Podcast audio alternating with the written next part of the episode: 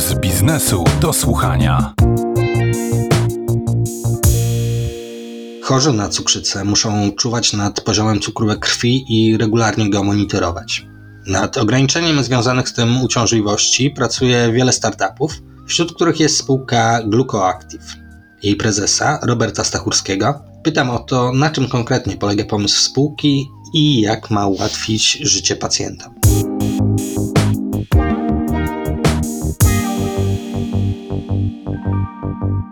W GlucoActive pracujemy nad rozwojem bezinwazyjnych metod pomiaru glukozy we krwi.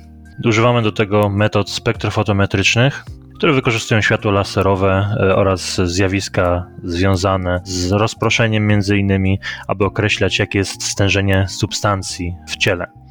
W jaki sposób może to pomóc pacjentom? Dość proste, ponieważ według wszelkich możliwych badań nakuwanie się przez pacjentów cukrzycowych w celu monitorowania cukrzycy jest czymś, co znacząco obniża ich komfort życia, stygmatyzuje ich społecznie, nie mówiąc o tym, że po prostu jest y, bolesne i potrzeba wykonywania takich zabiegów nawet do 20 razy dziennie jest niezwykle uciążliwa i dodatkowo również może prowadzić do jakichś tam dodatkowych powikłań, utraty czucia w palcach, e, zanik e, ukrwienia, infekcje itd. Tak Wszystko to powoduje, że pacjenci niechętnie podchodzą do samej diagnostyki, nie chcą monitorować cukrzycy, zaniedbują monitoring cukrzycy, a przypominam, że to sprawa niezwykle istotna przy właściwej profilaktyce cukrzycy. Cukrzyca jest chorobą nieuleczalną już od pewnego etapu, więc jedyne co możemy robić, to prawidłowo ją monitorować. Jeżeli tego nie robimy, może to prowadzić niestety do przykrych e, konsekwencji, takie jak na przykład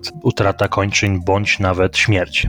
To teraz proszę spróbować mi wyjaśnić, w jaki sposób poziom cukru we krwi można monitorować przy pomocy lasera. Są to metody używane od niemal 20 lat w laboratoriach naukowych na całym świecie.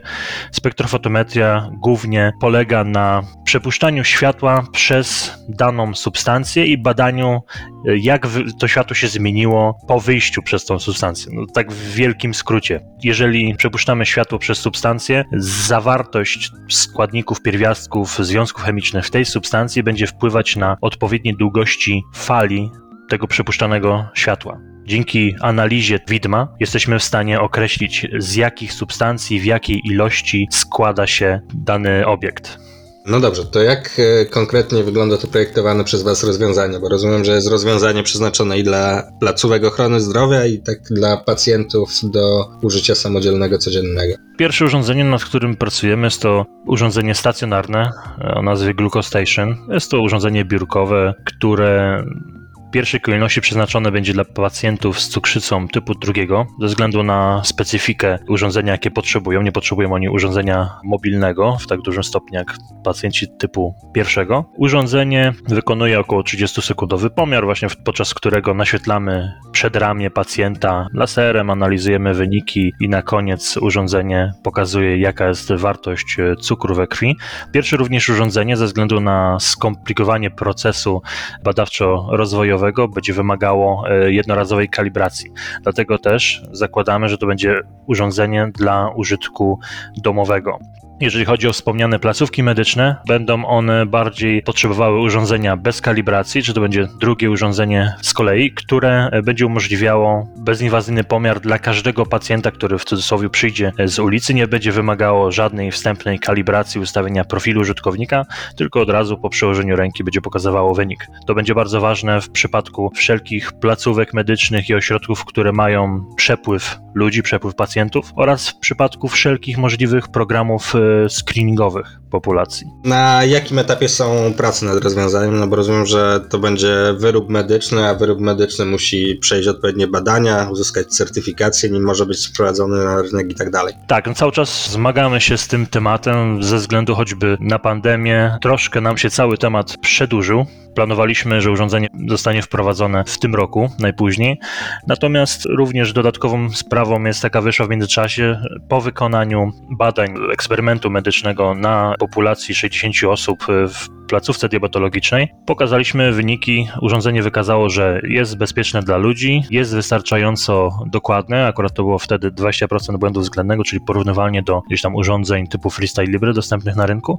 Natomiast również zauważyliśmy, że urządzenie z czasem, ponieważ w placówce spędziło niemal rok, z czasem traci swoje właściwości, ten błąd się zwiększa, czyli można tak nazwać, że w dłuższym okresie czasu urządzenie jest niestabilne. Dlatego zdecydowaliśmy się nie wypuszczać jeszcze urządzenia od razu na rynek, tylko cofnąć się o krok, przebudować urządzenie przy wykorzystaniu lepszych materiałów, bardziej dokładnych, bardziej odpornych na czynniki zewnętrzne i posiadających mniejsze jakieś e, interferencje zewnątrz, między innymi temperaturowe, wilgotnościowe i tak dalej. I w ten sposób e, w lipcu tego roku zamknęliśmy kolejną wersję urządzenia, można powiedzieć już dużo stabilniejszym hardwarem. Zrobiliśmy badania wykazujące, że stabilność długookresowa jest e, na wymaganym poziomie i w tym momencie przeprowadzamy kolejne testy na pacjentach. Aktualnie 75 pacjentów do końca roku chcemy przetestować, aby udowodnić, że to urządzenie już jest na pewno finalne i będzie nadawało się do produkcji w pierwszej połowie przyszłego roku. W międzyczasie rozpoczęliśmy już proces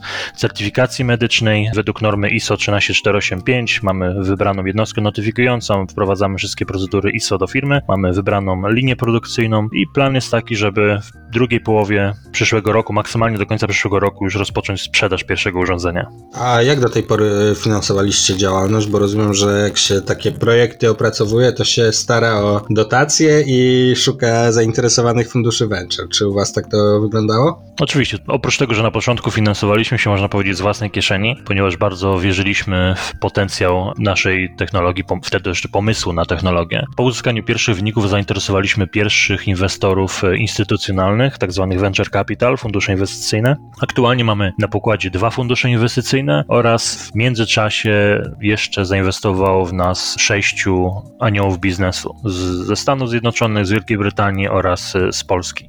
Aktualnie również prowadzimy małą rundę pomostową służącą zebraniu kapitału na e, uzyskanie finalnej certyfikacji na Europę, żeby cały proces można było sukcesywnie zamknąć. I rozumiem, że urządzenie ma się pojawić na rynku w przyszłym roku, ale będziecie je kierować pewnie do prywatnych pacjentów, no bo dopóki nie ma refundacji, to nie jest tak, że komuś państwo kupi w prezencie, żeby sobie monitorował cukier, ale to docelowo właśnie taki ma być model sprzedaży prywatnej, czy myślicie o różnych modelach na różnych rynkach? Nie, oczywiście myślimy bardziej szeroko o różnych modelach dla wielu różnych rynków, nie tylko dla rynku medycznego. Natomiast oczywiście musimy zacząć od e, rzeczy, które są powiedzmy w pierwszej kolejności najbardziej logiczne i najprostsze, czyli dotarcie do klienta indywidualnego, bez jeszcze refundacji przez e, publiczne ośrodki e, zdrowia, ponieważ uzyskanie również takich e, refundacji wiąże się z długim procesem aplikowania, przetwarzania i decyzyjności w tej sprawie, więc spodziewamy się, że będą nasze urządzenia refundowane, ale dopiero w,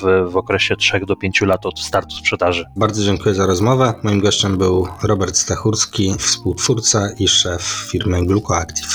Dziękuję bardzo.